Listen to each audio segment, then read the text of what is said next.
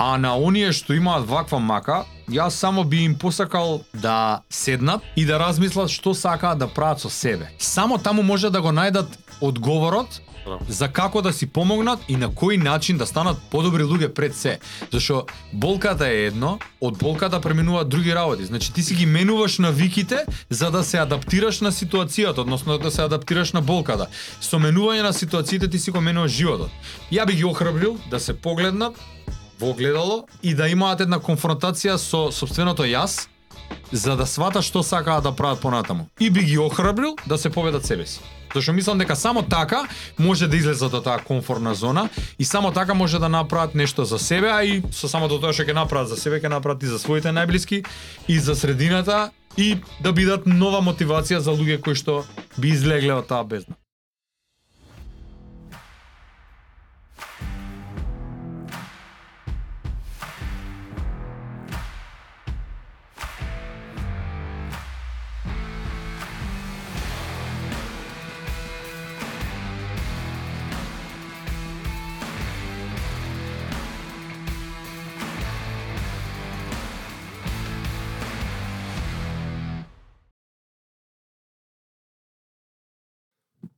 Епа, дечки, здраво, добродојде у седма епизода.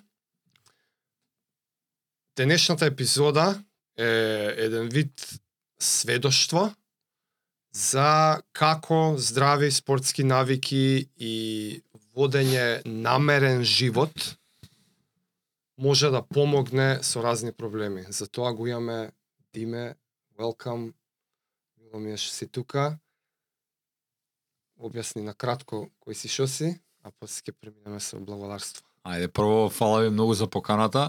Прв пат со физичко присуство сум у подкастов, иначе, мака од оговарање у подкасти кај Да, тебе и на да, байкерот и кросфитерот, редовно ми горат уши. А, инаку Димитар Атанасовски, 35 годишен, 1987 роден, на 1 септември. А, ТВ и радио водител, у последните 5 години само радио водител. А инаку а, со здрави спортски навики од мој не знам 8-9 години, затоа што цел живот сум бил на ваков или онаков директен или индиректен начин вклучен со спорт. А у последниве две години, а, благодарение на Гуру Жаре, имаш Гуру Харе у музика и Гуру Жаре у кросфит, а, си го вратив животот. Ама онака не е сега као сведоштво па да, со жал на музику позадина дека сум си го вратил животот, него буквално а, се вратив на моментот да си го сакам тоа што го правам во денот. А, И многу ми е драго што баш на ваква тема ќе разговараме денеска. Јас сум гостувал во милион емисии што на радио, што на телевизија. Секогаш сум зборувал за водителство, за јавен живот, за шоу бизнис, за жута штампа, за жена, за деца, за ова зона. Никогаш не сум ја отворил оваа тема директно пред камера за да зборам за тоа што мене ми се случувало до сега во животот. Епа, фала ти многу за тие што не знаат, со Жаре, малце контекст што беше муабетов со дека си тука прв пат физичко присуство, Диме е Диме Дискус Хернија. Името на Во, епизода. во многу, Да. во неколку наши предходни наврати во епизоди со Жаре го имаме спомнато, е па ова е. Знаеш што дека станато ден благодарение денеска ми има Диме Дискус Хернија пише на телефон. Да, и тоа разбрав, и тоа разбрав. да. Така што ние ето. уствари полека полека сме навестувале за тебе често и баш ми е мило што си тука конечно да разглобиме тој тоа сведоштво што значи дискусија? како е како се решава што и така натака. Пред да преминеме едно огромно фала до нашите партнери fitguru.mk сервисот што ви доставува здрава и вкусна професионално зготвена храна секој ден на до вашата врата.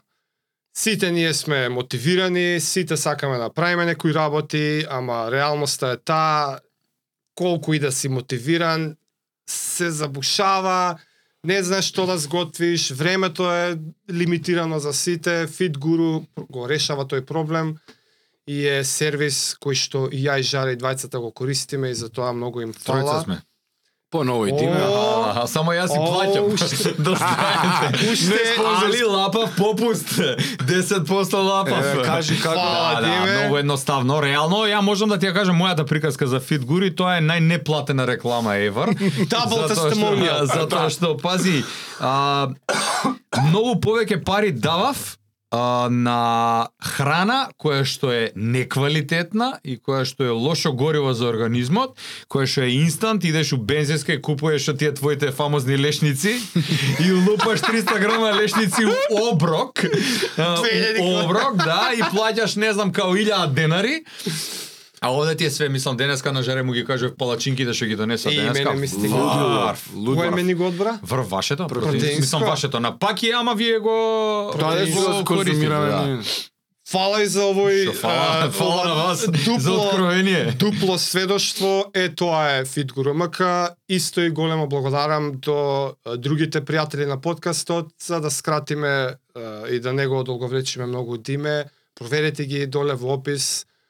Тоа се а, пријатели на подкастот кои што помагаат и ние сме им многу благодарни. Чекај, извини, А Way Диме- Solutions мора да ги спомнеш. Да. Да, зашто Епа, се македонска компанија, Така имаат многу успеси у животот, работат со светот, имаат македонски Да да. вработени, да, и мислам дека се лидери у ај гейминг индустри, нешто така, вакво. И се познати Што како пирамидата. Како Абе, не пирамидата во сала се познати. Да, знаеш зашто? Прво зашто мора да ги мотивираме 10 утакмици поред губат на бизнес лига у фудбал.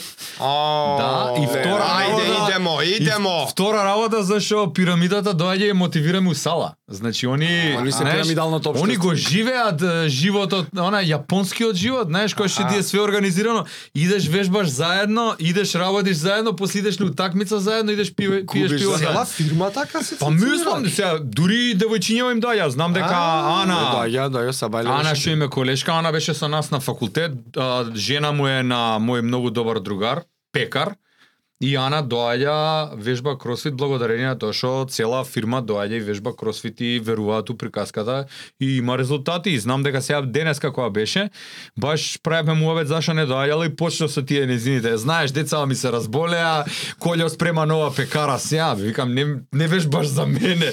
Те прашам само зашо не доаѓаш, разбираш?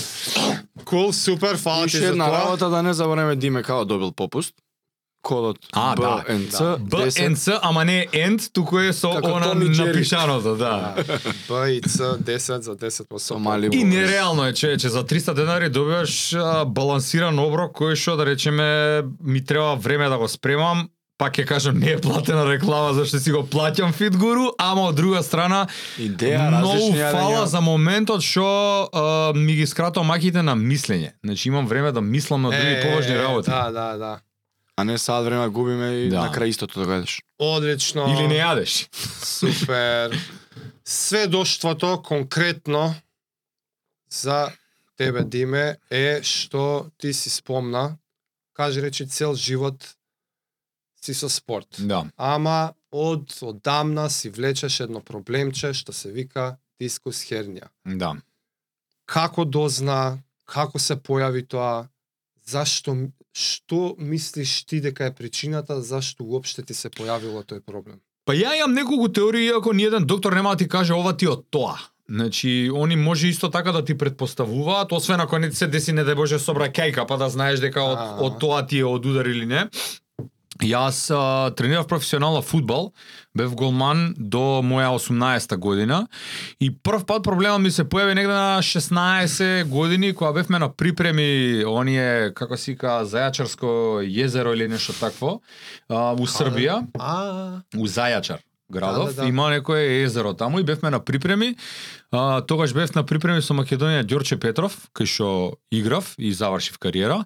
А, и добив удар, ама онака сериозен удар, пошто игравме пријателска против трета лига нивна таму, Аха. као контролен меч чисто да видиме што како. удар? На корна ја скокам за да ја фатам, ја фаќам топката и осеќам само као се прекршувам вака. Некој Паѓам, позади. да, па вајда дали со копачка, дали со колено, тоа знаеш умешаница не овакво. И прв пат осетив мака Тогаш. А, исто така, а, од тогаш почнав да си ја влечам ја на некој начин повреда, меѓутоа знаеш кога имаш 16 години и кога си голман, не ти интересира за тоа што те боли, као те боли, те стига да стигнеш то, те, те е важно да стигнеш топката и да да не примиш гол. Така што ја утакмицата ја доиграв. Значи станав, имавме еден борот доктор кој што не ги даваше парите за спреви, па даеше со прст со уста ти правеше ајде ништо не да ти пошто те боли.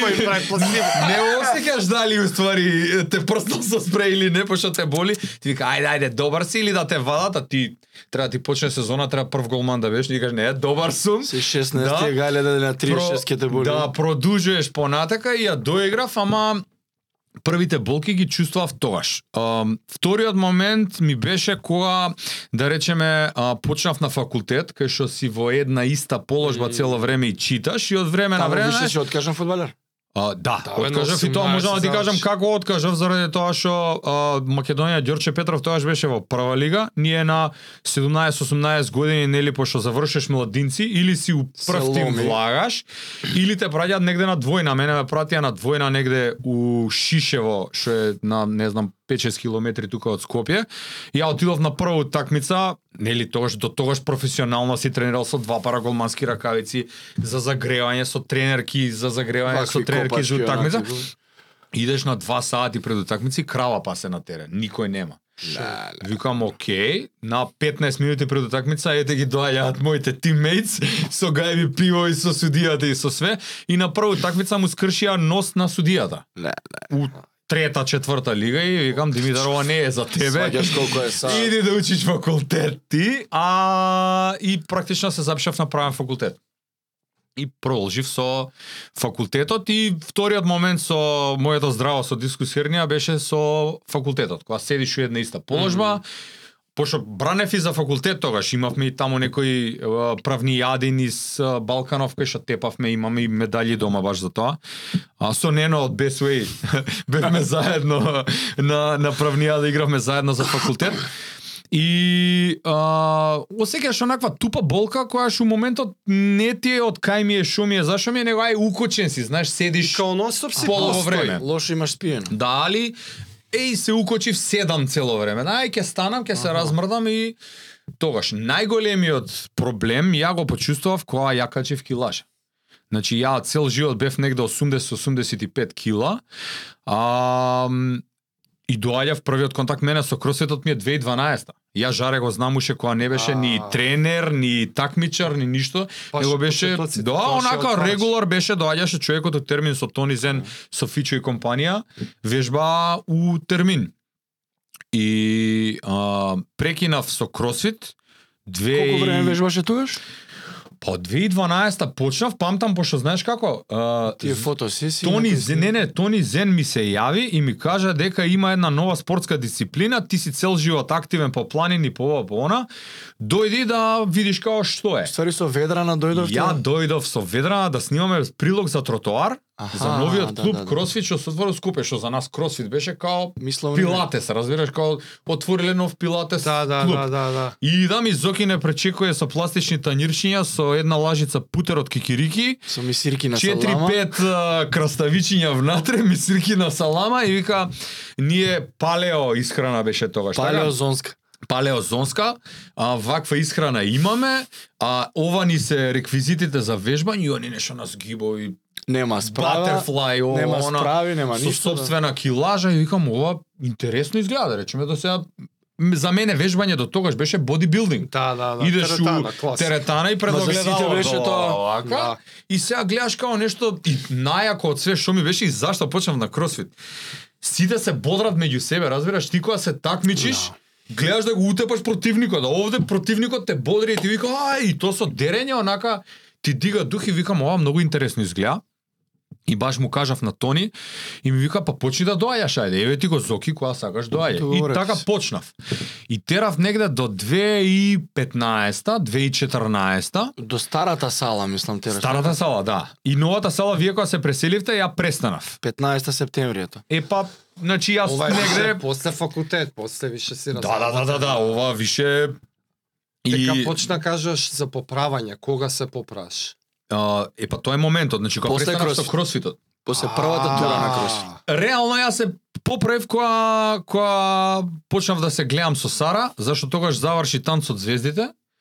А на танцот звездите сериозно јадев и сериозно тренирав. Значи на танцот 100 сата звездите на ден, мислам. 10 сати имавме дневен тренинг и тоа а, 10 сата активни, значи тоа Да, мислам да, тебе да. не би ти го кажал зашто ти правиш 15 сата тренези, ама вака за ќе го направите, а Па не не бе, се- че- не че- спијам ја. Па не, ама она лајвот што го правеше ти со возењето.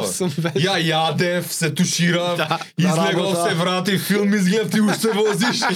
Поотспав една партија, ти уште возиш. Значи тоа тоа за мене у мои очи е вака од денешен аспект нереално. Али пази, на танцот звездите со партнерката рековме пошто никогаш до сега не сум танцувал нешто професионално или овакво, рековме влегов, го правам, да, го правам за пари, го правам за за шоу, ама пошто влегов ќе го правам за да стварно треба. има да го напредок и да бидеме да. добри. Ние стигнавме до полуфинале, значи ја да. изгубив од Сара и од Наташа, сега нека ми просто не го памтам презимето, каратиска многу многу позната Фит. каратиска со медали од европско, од Да, светско. да, да. Она и Сара беа у финале. Ја изгубив бев последен маж од сите Аха, аха, звездиве што учествуваа на танцот звездите. Они отида у финале. И јадевме дневно по три фамилиарни пици со партнеркава, али рачуне играш танци, трошиш не знам по 3000 4000 Ова, ова калории. Трошиш на зашто имаш активно цело време. Така цел. И заврши танцот звездите, умеѓу време ја почнав да се гледам со Сара, јадењето си остана као навика, желудникот, желудникот толкав и почнав да се дебелеам. Умеѓу време, пошто работам и у маркетинг агенција, а, почнав и проекти таму со неспиење, со седење до касно, со ај што ќе нарачаме, да ќе нарачаме бургери ова она. Целиот спектар на нездраво. Да, И да. спиење нема, и јадење нема, И стрес. и, треди... и Стрес. стрес. Да, седење стрес, да. И Нула стигнав движење. до 115 кила.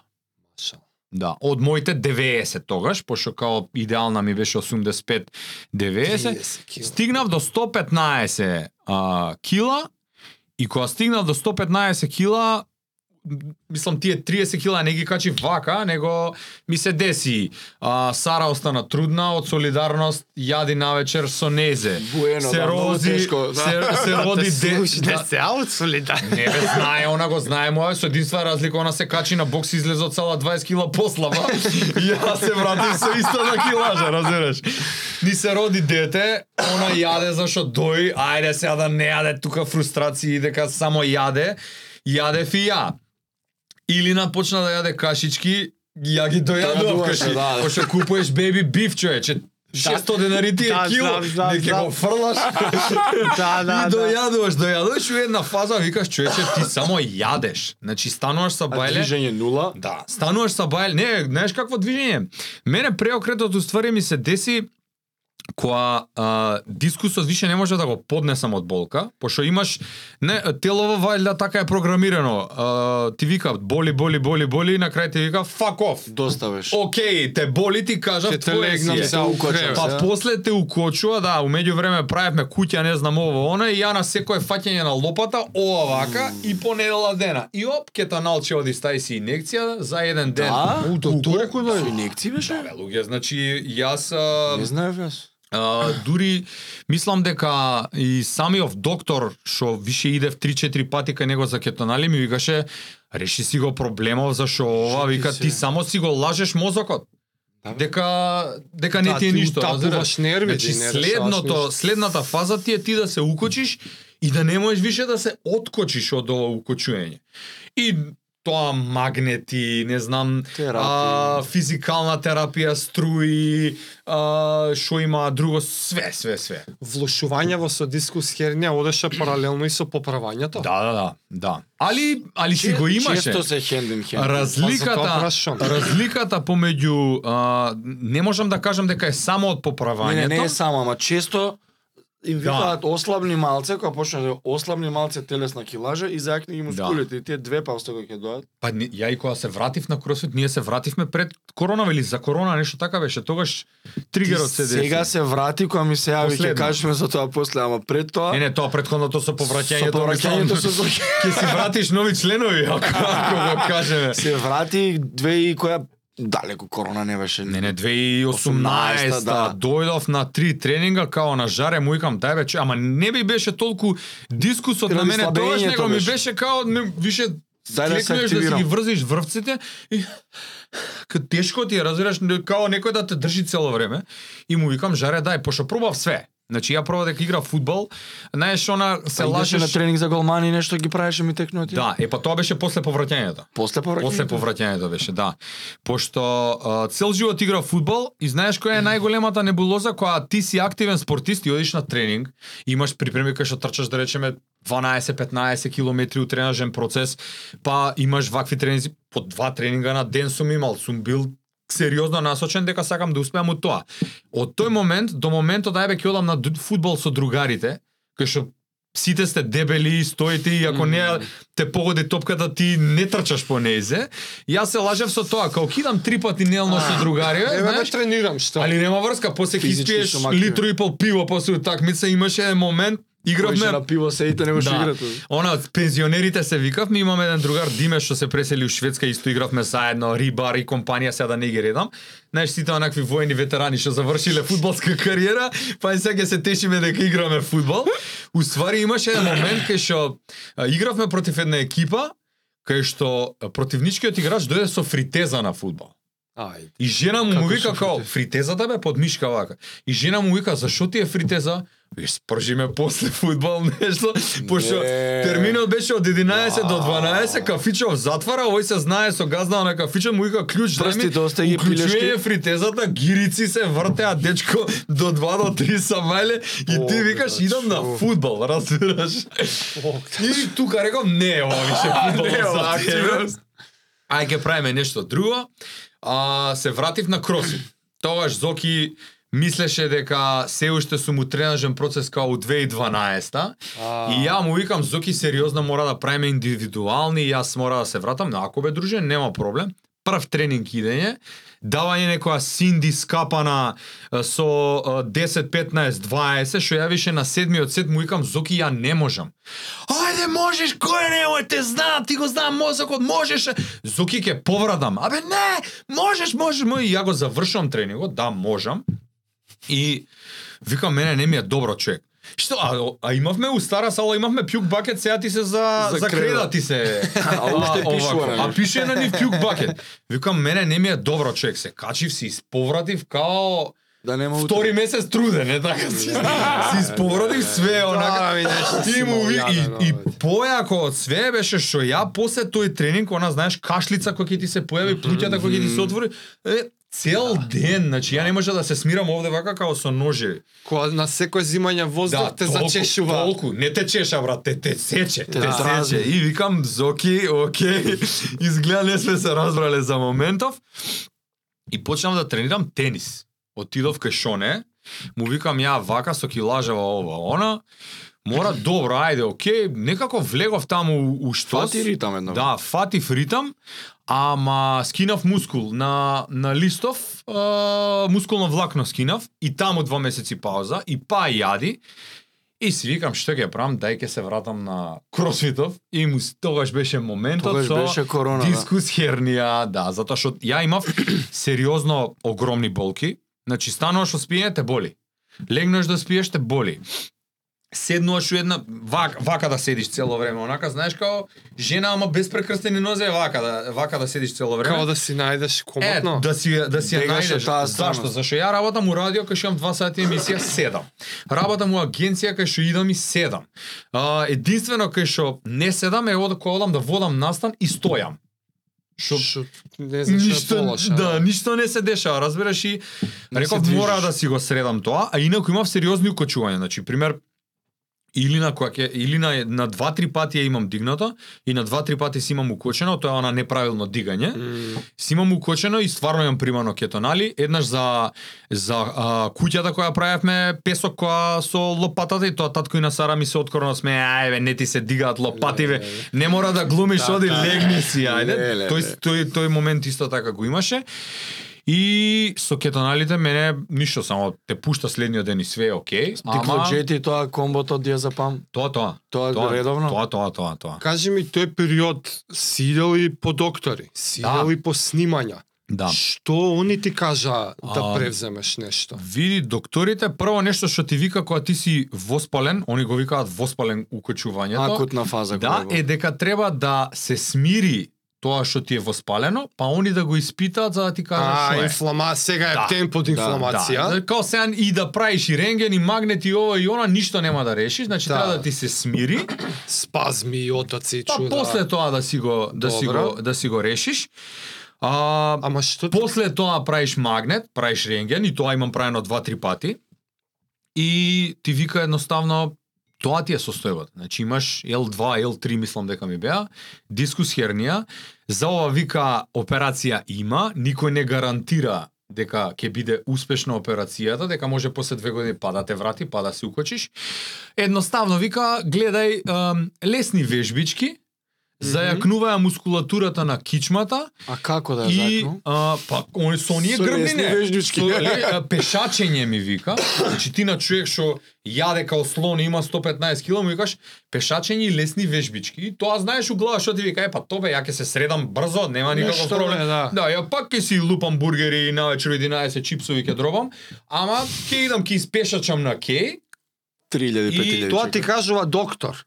Не, не, не, тоа си го кажувам ја у глава. Не, не, не, Иначе ама- докторот ти вика лесни вежби. Па да, да, тоа, он, и- он тоа препорачува. за ја- јадење лесни вежби за- и можам да ти дадам нешто апчиња да ти препишам као за нервиве, за, знаеш, да не ти се толку Јас. често да не ти се воспалува, ама генерално тоа и физикална. Еднаш на 6 месеци физикална и таа фора исто, мислам се, ја нити сум медицинско Не. лице, нити сакам да кажувам вака треба или така треба, зашто секој си има мака на свој Стаде, начин. Меѓутоа моето искуство со физикалното уопште не ми помогна. Зошто? Заради тоа што ја правам физикална, после 4 месеци мене па ме враќа. И таму ми вика, знаеш, добро е да правиш еднаш на 6 месеци. Па која е логиката ти идеш Сега- на секој 6 месеци да го правиш тоа? Тука клучното не ти го кажува. Правиш физикална проаѓа и треба фатиш на вежбање да одиш уствари. Абе, они никој нема да ти каже Знам, да идеш на ама вежбање да Шекор промашува, не, не го кажуваат, не знам. Он ти вика лесни вежби, знаеш. И Ама ништо ти под лесни вежби треба да најдеш ве, па, и ово истегањево, знаеш, он он тоа го рачуна за вежбање. Истегањето што го правиме да речеме на крајот тренинг, да. Истегање, истегање. Он за тоа, он па он го рачуна тоа у вежбање. Ти Да. викам, мора да се Не. истегаш за да нели за да ги опуштиш. Ама како да ги зајакнеш? Е па да ги зајагне. Со Со лесни, лесни вежби. вежбички. И а, исто така нај клучното од се ми беше тоа што јас сватив дека све што правам до сега правам погрешно. Значи јас од моментот кога сум престанал професионално да да тренирам, тоа од моја 18-та година, до моја 31-ва втора година јас сум лутал, јас сум се барал. Значи ја не сум правил нешто за да бидам константен да кажам да, ова ми прие и ова ќе го правам. Така. Него јас сум викал чека ќе пробам ова три месеци, па е другари не ми се интересни за фудбал, више ќе идам на тоа.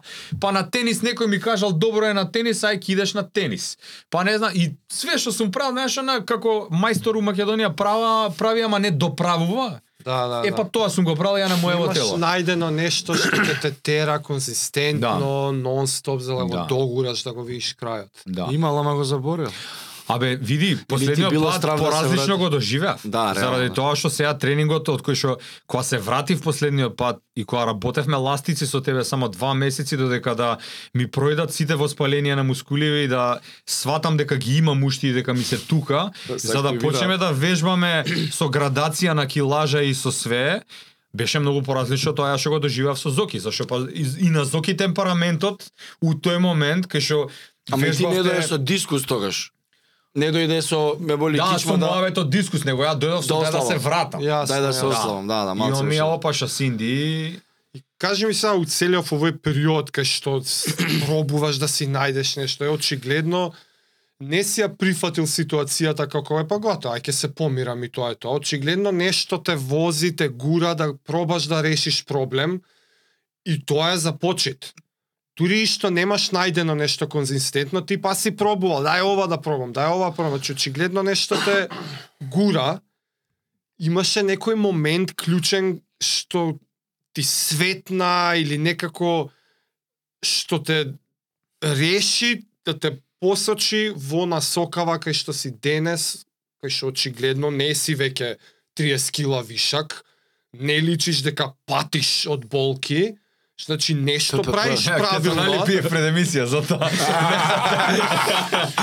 нешто правиш правилно колку и да е години, ама што е некој таков како ти светна Тригерот? Еве, момент? јас ќе кажам, може да дигнам се врати од доктор со магнетна резонанца диагноза Да. дискус хернија. Али има пред тоа нешто. Не, не, Кога ма, се магнетот јави- јас си го знам, али а, више муабетот беше као идеш три пати на истиот доктор и три пати ти вика Тоа е. Си го знаеш човек, ти нема да го изгубиш. Еве го магнетот.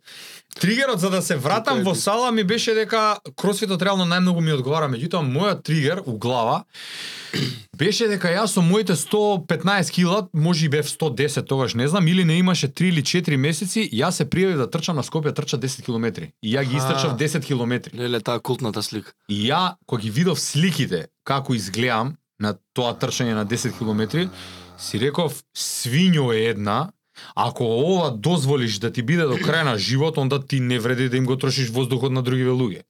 Значи, а, прво месец дена после тие 10 километри, ја не можела да станам од кревет. Значи, керка му имаше 3 месеци, Колената како? колената партал. Колената Ти текна бе да идеш на 10 со 100 кила. Тие корпоративни ивенти ти- беа мислам. Не бе, Скопје ние го ние клиенти ни како- се, Е, клиенти ни се Визер Скопски маратони и Скопје трча и све, ама м, нема врска тоа со овако. Да, да него- можеше друг да Знаеш што беше, секи ти кажам искрено целата приказка?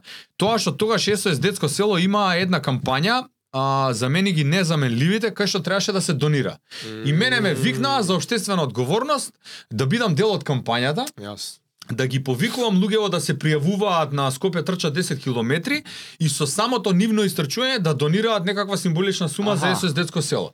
И сега јас си викам у глава, знаеш, глупо е ти да им Тебе викаш се виде лицемерно, Ма, за јаки ги викам, а ја не трчам. Никад Јас. не сум, пример. Никад не сум бил Јасно. човек да рече што сака да прави лажна слика за себе или да представува некаква перцепција у очима на Јас. луѓе, а сега кога ќе дое јајцето на газот да биде, еј, ај трчете вие, Да, терете. да, да, да. И реков, јас И реков, они ми викаа да бе котизација имаш ќе ја трчаш, викам ќе ја трчам без еден ден тренинг. Значи ја немав еден ден тренинг за тие Затоа те 10 прашав километри. колената како. И ги истрчав за саат и 10 минути нешто, као Па не било овие- лошо време тоа. бе. Овие од кан- втората година ги тоа. истрчав за 50 за 57. Али се спремав малце. Добро. Али, а, знаеш, и колегиве ме заебава, вика, колку кила, толку минути. Да, Саат да, да, 10 минути за 110 кила, разбираш? И тоа ми беше на слика уствари. Се гледам на слика, ја можам и да ти ги дам тие слики да ги а, да ги објавиш.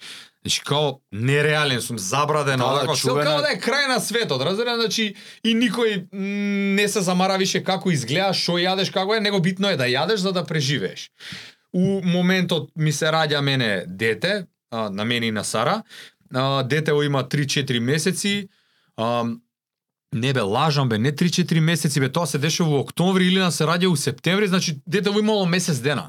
Никој не спие, сите дома скарани, а, самоубиствени нагони, пошто као само јадеш единствено утека тие лажицата да и да и да јадеш на работа, идеш не идеш зомби си.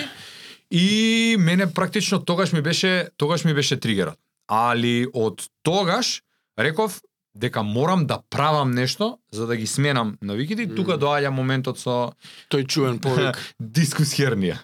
Јас. Да. И ова е ова е значи Ова е пред 2021 февруари, јануари. Илина. Не, Илина има Не, не, не, не, Илина не. е 2018, значи Илина сега пре па, 5 години. Е, па, Да. Ова не, моментот, се деси моментот од 2021. тригерот од од а, 10 десетката додека да стигнам ја кај Жаре има некој геп од а, две Се години. на Кануел. Да. што се дешава у тие У тие две години лутав. Тоа е. Ти викам, Тога, Тие се значи тенисот, као менисот уствари така. Тие да се, тие се пробуваш. Илина у ранец позади до крст, качи Да. се со незе, тие се ајде ќе одиме да планинариме. Машки свет периодот тоа е, тоа е 2019 моментот. 18 Тоа е да, да, моментот, да, да. да, да. Ти уствари вежбаше на тие кои ги снимавме да. Па реално. Не, него се воспалуев. Се воспалуваше се. Пошто имавме снимање еднаш неделно и после цела нела ништо не преши, таман поминало цело воспалување. Ајде, оно. Ајде, јовано ново. А Сега доаѓаме конечно 2021 кај што влагаш кај Јас си тебе. седам у Сидро фиш како и да се не знам.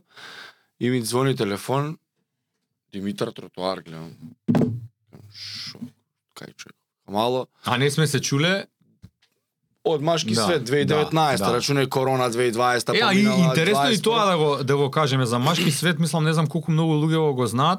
А у 2018 крај на 2018-2019 а дечкиве од синьори Нено и Крис имаат една идеја и ми викаат слушај, сакаме да работиме 19 према 20, мислам Така да беше? што јас на свадба бев у Загреб 19 декември и знам тој период па, дека беше 100% е 2019. Со години ве сум слаб ја. А, ми викаат, сакаме да правиме нешто за едукација на маживе во Македонија. Значи, списанија за жени има еден тон. А, кампањи за жени има еден тон. Као не против жените, него дај да го дигнеме нивото на мажите. Ама фали. Да збориме за типови на врзување на машна, за е, кој реверс како се вика, е, Како се носи, која бои природа. како се комбинира, тоа беше машки свет. А рубрика да направиме за машко здравје, кај што беше подобро здравје, кај што Жаре имаше А ти тогаш имаш 10-15 гостување. минути кај што Не, не не не, гостување, мој дел негова беше. Као YouTube емисија во која што Да. Да. Он си имаше момент, си објаснуваше вежби, кои што да речеме, не знам, ќе ти одземат 15 минути од денот, ама ќе ти направат нешто за твоето Јасно, тело за да се чувствуваш подобро и твоето тело ти каже фала и третиот дел беше Кај што си го зезна чирот и да, кај што имавме а, многу јак дел. Тој уствари и беше најгледам, пошто нели у Македонија само глупостите Да. се интересни. А кај што Стварно е. Као се викаше таа емисија вече? Е, Соеварите љути леле да ми објашни.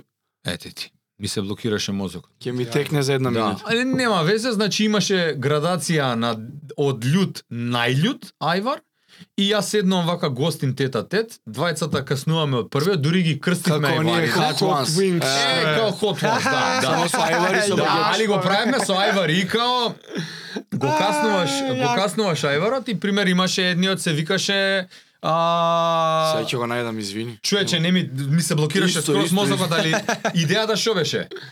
Драган Вучич покојни, последното интервју е кај мене у овакво, јаде ајвари. И Стварно? да, и моментот он имаше имаше три хелп, едното беше вода, тре, второто беше млеко, третото беше пиво и кога ќе загледаш да се ладиш, да, али да, да. они колку и поише да пиеш, толку поише те љути. И Ќе го сега- јадеш, бе. Ке го јадеш. Ке го јадеш беше емисијата. И уствари јадеш ајвар, му поставуваш прашање и он додека го Да, шмата да, ајварот ти одговара. Али на петиот, шестиот више, значи имаше вака чурење, значи со плачење, со Драган покојни викаше вака Гледно да прави, дај да завршиме. И ми вика заврши снимањето и ми вика да знаев дека ова е емисијата. Ја немам YouTube. Никад у живот немаше да ти дојдам гостин. И сега не беше проблем толку снимањето. Него поише беше проблем идењето дома. Значи она, ја можам комотно да го кажам ова, а, сериозно си го зезнав желудникот со тие ајварите, пошто Сара знаеше и вака со послужавник со оние знаеш што се за обложување на желудник апчињата, млеко и само ми го даде, ја ќе си седнам шо, на шолја, со послужавникот вака и чекам. Љутење, ама, ама, ама такво љутење не си осет, значи ја јадам љуто, брат, ама од тогаш ајвар не јадам више, да знаеш. И тоа беше моментот да се надоврзам за а, последниот пат кога зборевме со Жаре. Да. Пред А, така, повикот. така, Да, и ми тоа звони е... Да. Диме, гледам Димитар Тротоар, уште запишано 2012 така. Што, ја ал... Жаре, шо правиш? Добар си? Добар. Јас искачам од доктор со Сара и имаме диагноза на дискус хернија. Од понеделник да почнеме да вежбаме. Имаш ли програм некој за кичма? И уствари, зашо е Диме денес тука, не е дека е јавна личност, ни го знае народ да ни го Некој промира дека има дискус. Ни тоа башка. Иако фала на Него- промоција огромна. него е мој patient zero за на таа програма. Имаш ли? Што ја имате специјално за тоа? Диме и Сара се ствари оригинал пробувачи на програмата и први што ги потребуваме ластиците, оние кросовер симетри, чувени се тие за рамо. Мотото на тие е Bulletproof Shoulders. 5 minutes a day, a month for Bulletproof Shoulders, така име као слоганот на, на програмата. Нереално помагаат. Ја Нереално. со Зоки збора и му викам, зашто ако помагаат и на тие движења, ја осеќам како ја бифтеција ми се затегнуваат, и осеќам тие мускули. Зошто не ми помогна на помогна на некој со проблем со кичма, ластике, не може да се повреди. Не може неправилно да вежба, што ќе го извлече вака и пак е рамо доминантно, ама ги вклучува сите мускули. Викам, зашо не ги пробаме со Диме? Викам, понеделник. Вика, друже, тоа ти супер идеја. Ајде, вика, на тоа.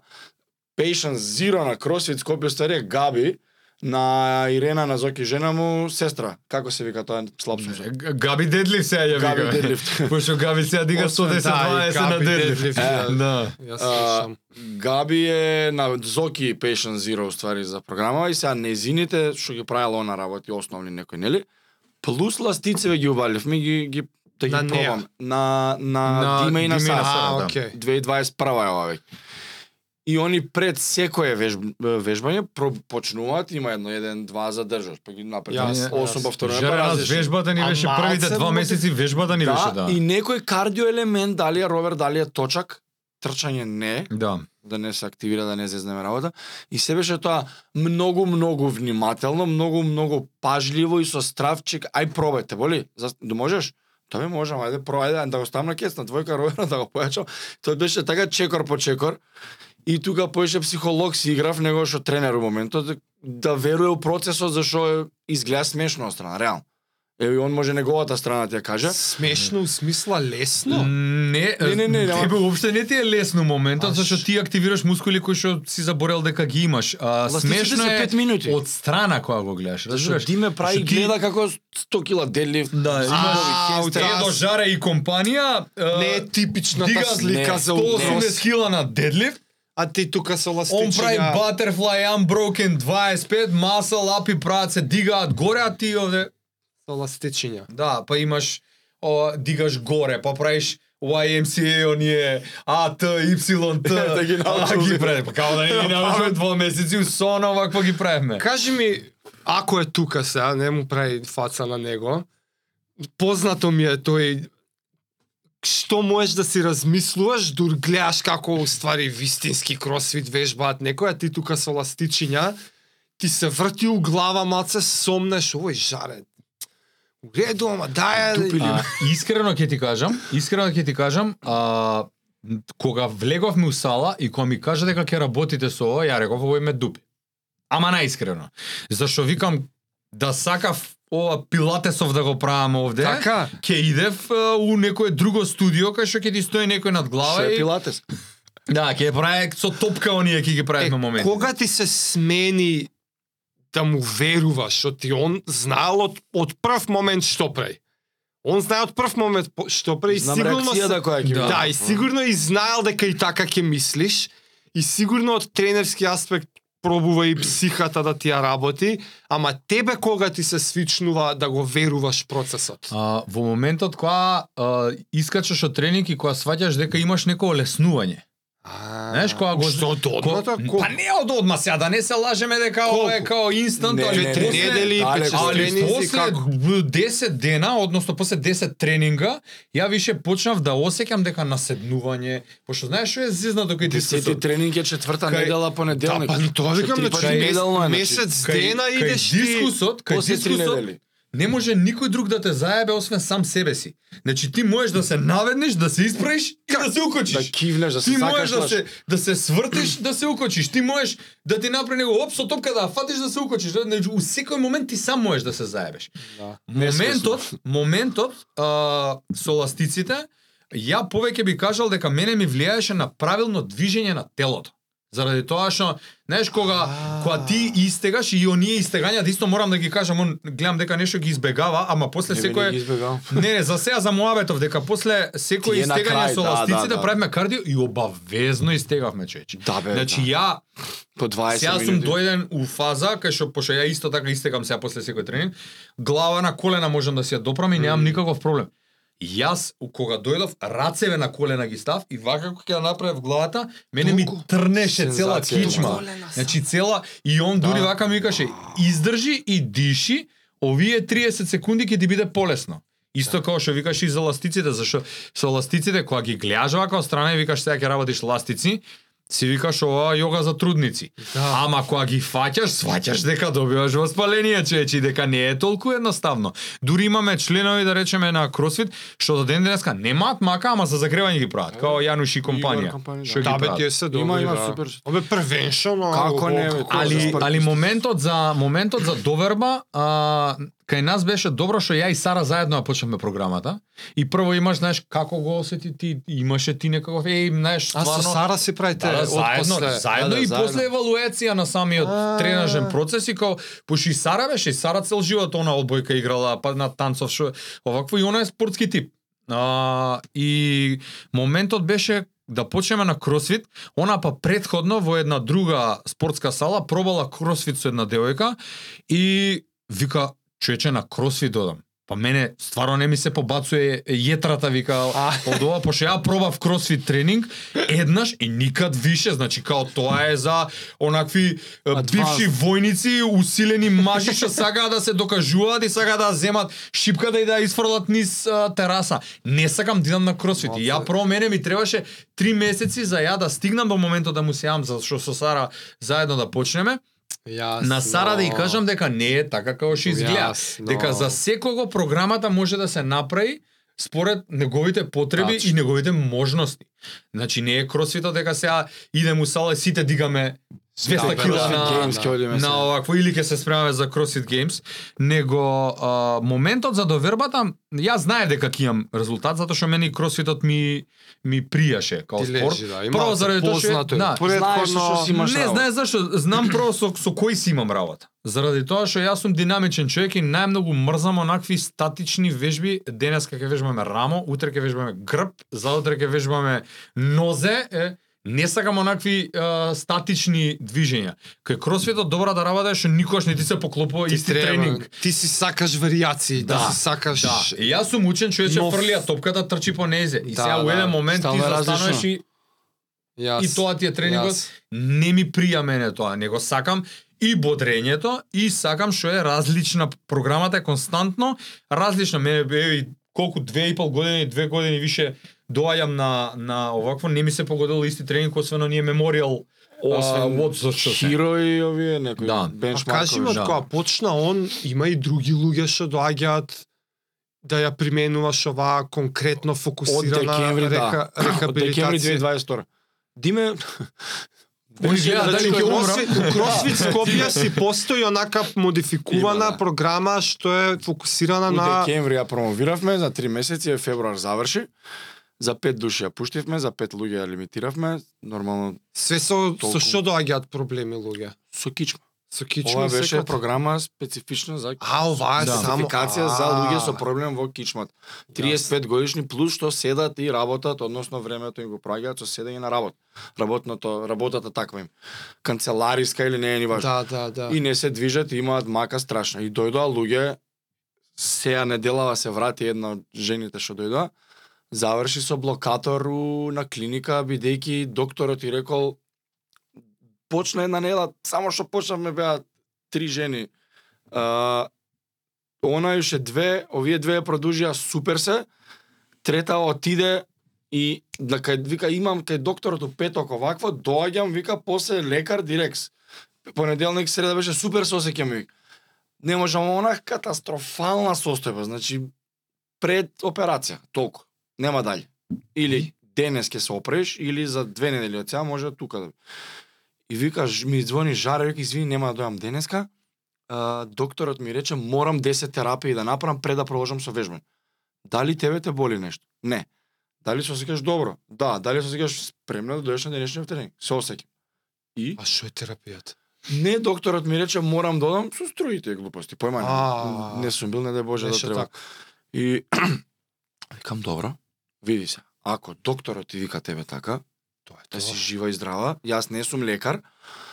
Луѓе што вежбале имаат прогрес, твојата состојба е уникатна, не секоја за секој си уникат. Како мислиш ти така направи, викам? Ќе одам на терапиите. Добро. Заврши, звони ми, викам после. И ми звони у декември после тоа, ова беше на почеток на декември, ја у Белград 23 24 така бев и ми звони ја испуштам у Белград СМС, жаре ја завршив на операциона сала на клиника, примам блокатор. Кама ман бе човече бе, Што е чекај бе малце бе застани бе, викам ќе те оперираат. Не, не, не, него мора во операциона сала ги ставале тие блокатори, не знам дека тоа постои. Дај врати се и да почнеме. Ајде викам. И еден месец да видиме како ќе биде блокаторов. И подобро е било. Тоа блокира болка да нерви, не знам. Нерви, појма- појма над. И од понеделников сега се врати. Ми се јавуваат, може ли да дојдам во 6 денеска да доеш обавезно, викам и што направи, викам ајде. Пет овие терапии примив со струја, вика. Супер. Отидов на шестата, а бе вика како со нож некој да ме надена и до тука било, не може вика од кревет да станам со плачење, со два сата спиење на ве- ноќ толку вика маж ми вика ме влече, а вришта, а не можам, боли вика човек, не може да се Не бе нереална болка е, мислам. Ми се укочува ногата, крива ми вика, Да. многу лошо се осеќам. И вика, носиме болница, ќе се фрлам од тераса, ќе умрам, не можам више вика.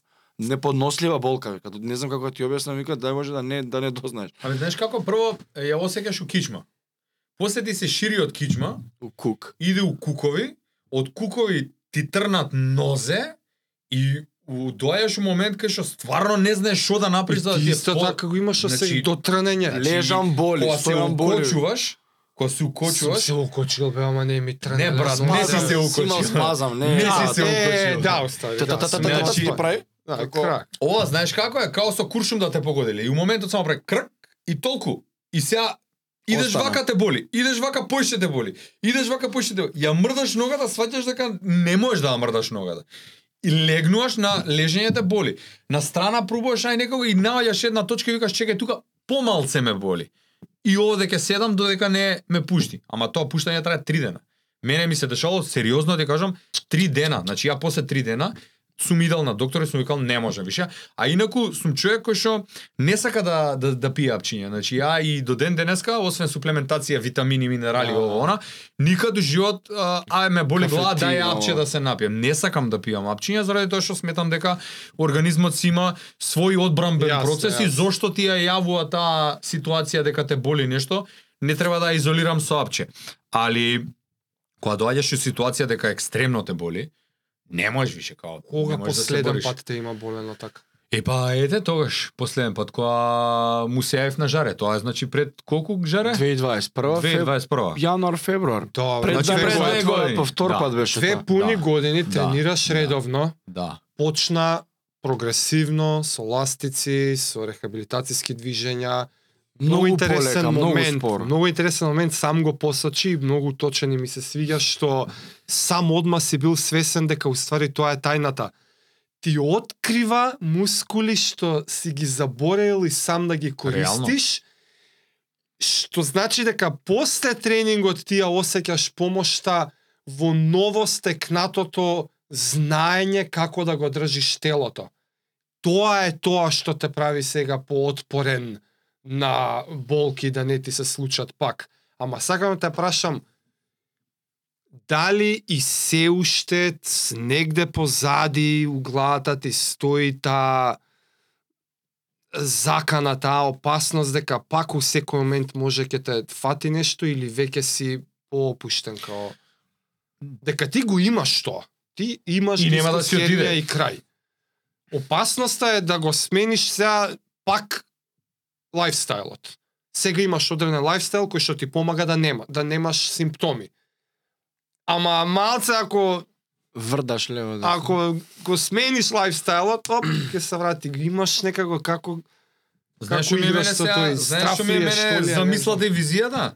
Да го менјам лајфстајлот, ама на подобро. Затоа почнав и со хранава, за да си го вратам моментот дека Шахматно, давам да, добро гориво за да може да работи кој што треба машинава. А, затоа гледам, е и ова чудово, колку и сега да збориме, Не, значи, не, реално, помага. менја живот, се обседнуеш со колку може пиеш. некој не слуша само. Чудото е саат. Да, А, да, Саатот да. на раката. Гармин. Да. А, реалноста е дека се обседнуваш со тоа колку пиеш вода, колку спиеш, Чекори. каков ти е сонот, колку чекори имаш у текот на денот, колку активни калории, колку пасивни калории. Во, дури има сега да речеме зона тренираш, аеробно, опција е сега пошто сум више две години на овакво ми јавува меморис да си се такмичам сам против себе на одредена старите вежба. визити, Ти да, текнува на In Loving Memory за мајка ми што ја Да. правам минатата година а, 2021 декември. а, Така му даја? Да, 2021 декември почина мајка ми. ја правиш. И праве вежба S61 ја крстив зашо 61 година Мгм. имаше. Оваа година ја правев у декември истата вежба, една година од овакво. И разлика од склековите. Значи, разлика у склековите, разлика у килажата со кетелбел што ја користам за овакво и разлика у времето, као за две минути сам себе сум се победил. Со поголем Склекот- кетелбел, со поправилни Со поправилен скрек, Ја. пошто и го постира видеото Го на има, Инстаграм да, и има имаше и имаше ја. коментари као што е со овој полусклек што го правиш, пошто А. си се спуштал до тука или си отворал вака, сега поправилен. Ама на крајот од денот, знаеш, гледам да си го сетирам мозокот на најмногу заради тоа што телово да ми остане функционално што подолго. Браво. Зашто сваќам дека имам дете, кое што да е живо и здраво, има 7 месеци, ама има 9,5 кила. Керка ми више има с- 18 кила. И сега, знаеш, кога ќе ти рече, сакам да те гушнам, она е пониска. Ти треба да клекнеш, да ја дигнеш, па да ја гушнеш или да чучеш. Знаеш, и се зезам, а, диспансерон за вода дома која треба да му се смени 18 литри ова. Така, му да. викам жаре денеска правев клинови. Ми А. стигна водата. Човеков ги внесе у, у, у гаража. Така што гледам движењата кои што ги правам во секојдневниот живот да ми бидат као на тренинг за да можам да си се заштитам. А прашањето твое, а, сега мислам, многу се плашам, имам страв, дека и затоа кога бев у Турција, му викав праќа ми вежби секој ден, и пазев на храна у all inclusive хотел, кај што Сара викаше ќе идам на рецепција и ќе ги барам парите назад, пошто две изедовме. 15 дена и, и спи, а она беше трудна седми месец.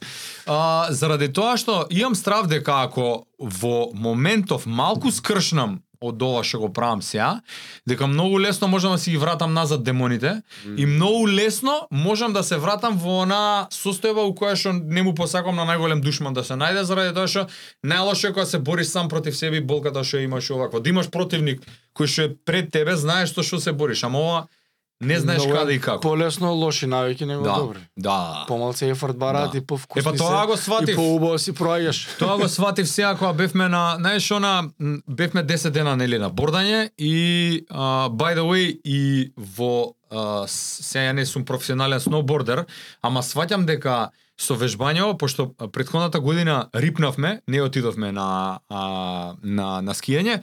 Оваа година, односно бевме ама или на бордаше, ние аплаузи дававме зашто беше многу малечка. Оваа година сватив дека многу ми имао леснато движењето и на даска и во снег, зашто нели потешко е кога идеш у снег кога се движиш. Сега немав проблем. Син ми, Како не бе all round си више. син ми у кенгур, го ставам, се качувам пешки до стазата што е полигон за деца, а за да ја гледаме или не да викаме браво као бордаш со инструкторот ово она и као Сара нели а, а, ми вика бе зашо се качуваш пешки човече? Имаш а, лента качи се на тракава ка... па викам зашо немам направено тренинг денеска? Зашто за доручек, Најс. за доручек а, јадев а, три кришки леп и онака, знаеш, сам се казнуваш више. И кога се вратив, ја му викам, жаре, морам да ти признавам нешто. Јадевме пити, јадевме, вика, дали си нормален? Ја, да Као, не јадеш Два пати усладливо. годината, 10 дена можеш да си дозволиш да Да, јадеш да, што да, сакаш. да, да. Ама ја тие 10 дена си ги преточувам у пошто си го знам мозокот, си ги преточувам у тоа дека ќе ми се уорни и ќе продолжам и навечер да јадам. Ќе речам, а идам на тренинг, ќе јадам и попладне, ќе внесувам и леп, ќе пијам и а, газирани сокови со 6 милиона шекери и све, А сега ги ама знаеш тапиците? на крајот од денот тоа е а, пат кој што никогаш не завршува освен Е, сама ако така. не си го прекршиш. И затоа викам боли на време да си го средам ја, отколку да да го оставам да ми се промакнува. Многу ми се свиѓа што користиш такви термини, си го знам мозокот. Тоа е звучи тривиално, звучи како да да сите си го знаеме мозокот. Не. Не си го знаеме. Да, реално. Бара, Многу ретко. бара пракса, бара редовност во запознавањето, И искреност со сам себе. искреност сам со себе, нема таа состојба со судење. лажење се влага. Така. Сам себе се лажеш. Да, абе ја и по себе си знам, 115 недела ден на тренинг и готово. И ки си не, добро, не, денес нема тренинг, седмиот ден, осмиот, десетиот ден, мускулите забораиле, единаестиот ден, месец дена. мозокот заборел дека бил атлетичар, 12-тиот ден, готово. Си викаш како јас тренирав бе толку човече. Што кога сум веж... Као снему и денот сме, као... сатите у денот се различни Да, веќе. И ова е многу така. многу важен момент што го посочи. Си знаеш, психата си ја знаеш, а те вози стравот кој што не си овде. Реален е. Стравот кој што не си оди Да. и желбата за квалитетен живот. Не керката. За 30 години, 20 и внуците така. Дај Да Боже. чучнуваш, да ги Дај креваш. Клипот што Дај- беше со дај. Боже, Ја да. тоа го кажувам. Луѓе тоа да се запрашаат. Да, да. На 60, 70, ќе бордаш ли? 90 да Што е чучнеш. планот? Да ти кажам Внуците искрено, ги да ги креваш, а не да ти е страв. Да идеш да аплаудираш. Има на- 60 плюс што доаѓаат у сала. Е, искрено, се. искрено сакам таков лајфстайл на 60 плюс. Расте бројот, тоа ми е многу Заради мерак. тоа што сваќам дека а, на крајот од денот да годините се важни, ама зависи како ќе се сетираш. Ама Ако ти се помириш ништо. дека ќе умреш на 60 и дека Така. ќе седиш по кафани цел ден и животот ќе ти биде И ќе викаш една што рекла живее. казала не ми чини држава, не ми чини политиката, не ми, ти сам ќе се утепаш Да. и од стрес, и од исхрана, и од неспиење, И и од си кажуваш дека е нормално. Да. Да, па нормално, па Да. нормално, бе, Македонија 50 така години, што да правам на Да. 50, нормално. Нормално дека ме боли ова, нормално дека ме боли ова, но па види бе сите пиеме апчиња, што па нормално е се Мало апчиња да 50 пиеме. години сме. И едно на, многу важно за за со она си го знам мозокот. А кај мене, пошто јас барем така си го гледам, е вечна борба внатре. Дури и на вежба. Знаеш онака кога викаш, абе не можеш, абе можеш. Абе ај ке јадам, абе нема да јадеш. Абе ке дремам до 3 сава или ке гледам клипчиња, ке не бе ке си легнеш, ке спиеш, зашо утре Угаси телефон. Ке ти каже мозокот фала. Ке ти каже, ако сега се бори со тебе ти вика остани бе поинтересно ти е, касни си бе, ке ти биде убаво, изеди цело чоколадо 300 грама здрви. Мгм. Ке ти каже фала што не си го изел. И мене тоа ми е најголемата најголемиот мотив борбата сам со себе. Зашо сам себе ако се победиш, односно ако си ги смениш на виките, луѓе е, е ги, земјотрес имаше несреќа од Турција по 11 дена остануваат у, у, у, затрупани и ги вадат ги живо. Тоа е борба со мозок, значи тоа више не станува збор за дали ти имаш калории, дали ќе трошиш, дали ќе тоа е едноставно борба со мој Господ. Човечкиот Значи- мозок бара комфорт, Да. Да. бара плежер, бала Абе, оној задоволство. муабет што го спомнавте за пред 3 милиони години што ти викал не се тепај со животните, истиот тој што ти вика не иди денеска на Класот, тренинг, да, остани да спие. Значи и тоа е таа вечна борба. тогаш да. комфортот бил безбедност. Има огин, топло нема да умреме. Се има парно централни грејања, човече подни вакви такви нема. Сега што му остане на мозокот? Благо да бара, чипс да бара, Да, забава, така. телевизија, Netflix. Баш така.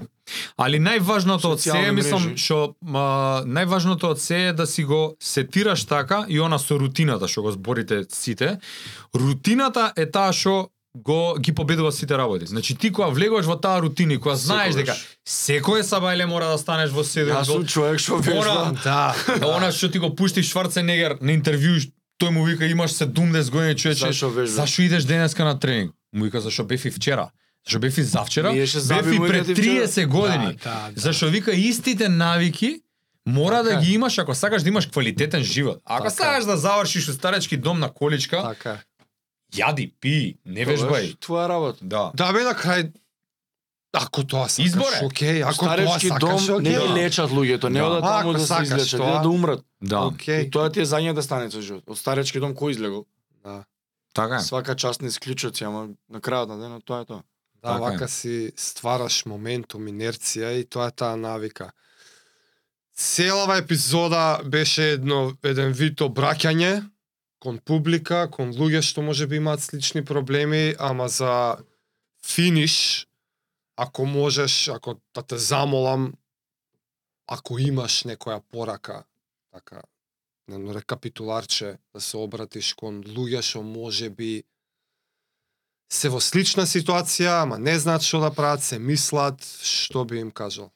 Види, ја не би кажал само за оваа епизода, затоа што конкретно твојата, а од сега поново твоите не жаре, пошто го имате байкерот и, Аха. и кросфитерот, а, мисијата ваша е нешто што мислам дека треба да стане а, традиционално образование во Македонија. Фала. Ама ова наискрено го кажам, знаеш зошто? Заради тоа што а, на социјалниве платформи, на YouTube, а, во Everyday Life, имаме толку нездраво општество, Ама кога зборам нездраво, не зборам само за невежбање и за јадење, него зборам за пропагирање на блуд и разврат, на а, Жута штампа. на жута штампа. Добро, жутата штампа види од секојаш е имало него последните 10 години.